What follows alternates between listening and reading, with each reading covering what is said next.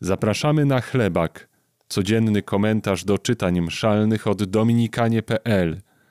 Dzisiaj usłyszysz Mateusza Palucha z Krakowa i Pawła Kusia z Warszawy. Z pierwszej księgi królewskiej.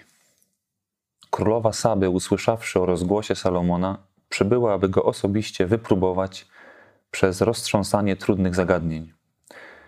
Przyjechała więc do Jerozolimy ze świetnym orszakiem i wielbłądami, dźwigającymi wonności i bardzo dużo złota oraz drogocennych kamieni. Następnie przyszła do Salomona i odbyła z nim rozmowę o wszystkim, co ją nurtowało. Salomon zaś udzielił jej wyjaśnień we wszystkich zagadnieniach przez nią poruszanych. Nie było zagadnienia, którego król by nie znał i którego by jej nie wyjaśnił. Gdy królowa Saby ujrzała całą mądrość Salomona oraz pałac, który zbudował, jak również zaopatrzenie jego stołu w potrawy i napoje, i mieszkanie jego dworu, stanowiska usługujących mu, ich szaty, jego podczaszych, jego całopalenia, które składał w świątyni pańskiej, wówczas wpadła w zachwyt. Dlatego przemówiła do króla. Prawdziwa była wieść, którą usłyszałam w moim kraju o Twoich dziełach i o Twojej mądrości. Jednak nie dowierzałam tym wieściom, dopóki sama nie przyjechałam i nie zobaczyłam na własne oczy, że nawet połowy mi nie powiedziano. Przewyższyłeś mądrością i powodzeniem wszelkie pogłoski, które usłyszałam. Szczęśliwe Twoje żony, szczęśliwi Twoi słudzy. Oni stale znajdują się przed Twoim obliczem i wsłuchują się w Twoją mądrość. Niech będzie błogosławiony Pan, Bóg Twój, za to, że upodobał sobie Ciebie, aby Cię osadzić na tronie Izraela z miłości, jaką żywi Pan względem Izraela na wieki. On ustanowił Ciebie królem do wykonywania prawa i sprawiedliwości. Następnie dała królowi 120 talentów złota i bardzo dużo wonności oraz drogocennych kamieni. Nigdy nie przeniesiono więcej wonności od tych, które królowa Saby dała królowi Salomonowi. Do Salomona przybywa królowa Saby, królowa z południa, z dalekiej krainy. Zanim usłyszymy, co się w tej opowieści, co się w tym spotkaniu wydarza, wydarza się bardzo wiele. Już na początku jakoś mnie to urzeka, że Bóg ma ogromną siłę przyciągania i potrafi y, przyciągnąć do siebie y, ludzi naprawdę z dalekich krain, ludzi z krańców, z krańców ziemi i to się wydarza. Poganka y, przybywa do Salomona. Jej motywacją jest uzyskać mądrość Salomona. Królowa boryka się, żyje z jakimiś sprawami, problemami nierozstrzygniętymi, trudnymi zagadkami, które ją nurtują do tego stopnia, że wyrusza, żeby poznać odpowiedź. I rzeczywiście nie zawiodła się. To mi pokazuje, że taka motywacja przyjścia do Boga z pytaniem, które w sobie noszę, z nierozwiązaną trudnością, którą w sobie noszę, jest słuszna. Bóg jest tym, który posiada mądrość, który udziela odpowiedzi, więc warto też do niego przyjść, albo bezpośrednio do niego i wsłuchać się w jego mądrość, albo przyjść do kogoś, kto reprezentuje jego mądrość, do kogoś doświadczonego y, i wsłuchać się w to, co ma do powiedzenia w imieniu Boga. Ale zobaczcie, że królowa Saby otrzymuje od Salomona o wiele, wiele, wiele więcej niż tylko jego mądrość i rozwiązanie y, tych pytań, z którymi przyszła. Autor Księgi Królewskiej pisze, że królowa Saby ujrzała mądrość Salomona oraz jego pałac, który zbudował. Ujrzała y, zaopatrzenie jego stołu, potrawy i napoje, które były na, na, na jego stole. Y, królowa Saby ujrzała mieszkanie jego dworu, ujrzała stanowiska, zobaczcie, usługujących jemu. Ona zobaczyła, jak, w jakich warunkach, w jakiej kondycji, na jakim poziomie żyje służba Salomona w jego pałacu. Y, zobaczyła jego podczaszych, zobaczyła ich szaty, jak się ubierają. Zobaczyła też całopalenia Salomona, czyli sposób, w jaki on oddaje Bogu cześć, sposób modlitwy Salomona. I autor tego fragmentu pisze, że ona wówczas wpadła w zachwyt. To, co naprawdę przejęło do głębi, co zachwyciło królową Saby, nie były tylko odpowiedzi, mądre rozstrzygnięcia Salomona, y, ale to było całe jego życie w najmniejszych detalach. To jak jadł, co jadł, co pił, co się ubierał, jak traktował swoją służbę. Salomon y, wprowadził w zachwyt królową Saby całym swoim życiem. Ten fragment pokazuje mi, że po pierwsze, y, kiedy przychodzimy do Boga z jakąkolwiek motywacją, Bóg zawsze odpowiada w sposób y, nadmierny, większy, zawsze daje więcej niż się spodziewamy, niż oczekujemy. Królowa przyszła po mądrość, a zachwyciło ją o wiele więcej.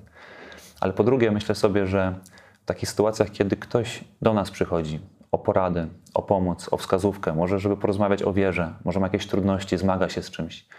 Oczywiście dobrze jest prosić Boga o mądrość, dobrze jest udzielić porady, rady, rozwiązania problemu, e, o ile je mamy, o ile potrafimy, ale tak naprawdę odpowiedź, którą dajemy, to jest odpowiedź całego naszego życia. Liczą się szczegóły, liczą się detale, liczą się gesty, liczy się to, jak kogoś traktujemy, też to, jak żyjemy, gdzie mieszkamy, czy mieszkamy we względnym porządku, czy w bałaganie. Odpowiadamy całym swoim życiem. Y, życie, życie Boga jest najpiękniejsze, więc w spotkaniu z Nim zawsze y, efektem jest zachwyt. Oby przynajmniej część takiego zachwytu towarzyszyła ludziom, którzy spotykają nas i do nas przychodzą poradę.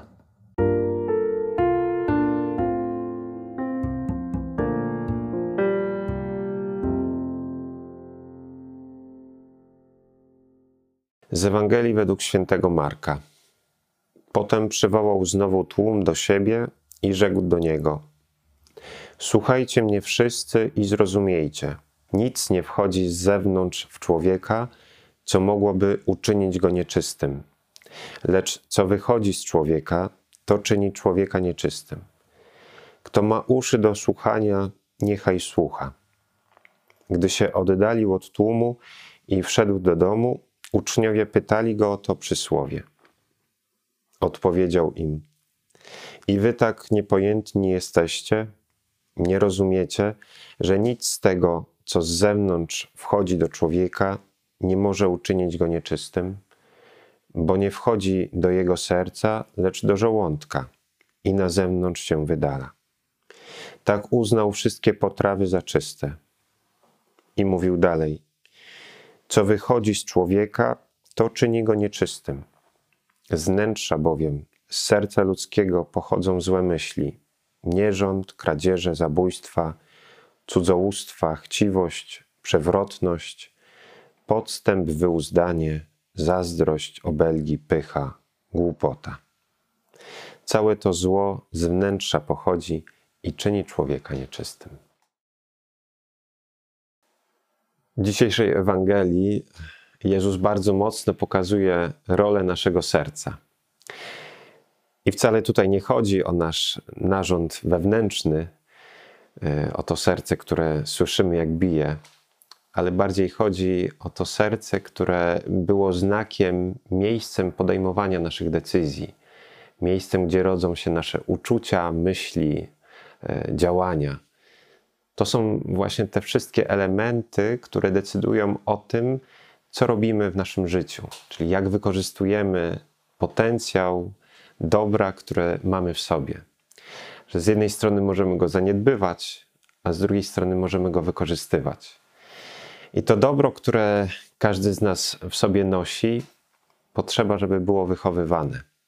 Czyli potrzeba pracy nad swoim sercem. Od najmłodszych lat to nie tylko my, ale też nasi opiekunowie, rodzice mają wpływ na to, jak wychowują nas, jak wychowują nasze serce, jak wychowują nasze sumienie, które tak naprawdę nas w jakiś sposób popycha do tego, że czynimy coś dobrego, albo sięgamy po coś, co jest coś złe, coś, co jest złe. I dzisiaj wydaje mi się, że bardzo ważne jest to, żebyśmy zobaczyli, w jaki sposób możemy i mamy za to też wziąć odpowiedzialność, jak wychowywać swoje serce. Że trzeba w mądry sposób kierować się tym, co przyjmujemy, co słyszymy, czym się karmimy. I chociażby właśnie sumienie najlepiej kształtować w spotkaniu z Bogiem, na modlitwie, poprzez czytanie Słowa Bożego. Psalm 139 zachęca nas do tego, żeby prosić Boga, zbadaj moje serce, doświadcz mnie i zobacz, czy idę drogą nieprawą, czy też właściwą. Że przestrzeń czytania i studiowania Słowa Bożego jest przestrzenią, w której również ja mogę kształtować swoje sumienie. Ale też przychodzi mi na myśl od razu nasz rachunek sumienia. Niektórzy go robią nawet codziennie wieczorem przed snem, żeby spojrzeć na swój dzień i zobaczyć, ile tam było dobra, a ile może zła, które było niepotrzebne. I wydaje mi się, że dzisiaj możemy też myśleć o rachunku sumienia tylko w takim kontekście popełnionego zła, że zrobiłem coś złego, więc muszę iść do spowiedzi, więc muszę przeprosić Boga. Ale rzadko może popatrzymy na swoje życie jako miejsce, gdzie mamy ogromny potencjał dobra, który być może jest cały czas gdzieś niewykorzystany, gdzieś jest schowany w szufladzie, gdzieś jest niewyciągany na światło dzienne. A przecież o to chodzi Panu Bogu, abyśmy wydobywali dobro z naszego serca, z naszego wnętrza, abyśmy to dobro pomnażali w swoim życiu, w działaniu wobec drugiego człowieka. Więc dzisiaj zastanówmy się nad tym, co dobrego jeszcze możemy zrobić. Czy nie mamy gdzieś e, ulokowanego dobra, które trzymamy gdzieś na jakąś czarną godzinę, zamiast wykorzystywać to dobro po to, żeby pomnażać je w świecie, żeby pomnażać to dobro, do którego zaprasza nas dzisiaj Pan Jezus. Gdyby nie wsparcie naszych patronów, ta seria nie mogłaby powstać. Dziękujemy.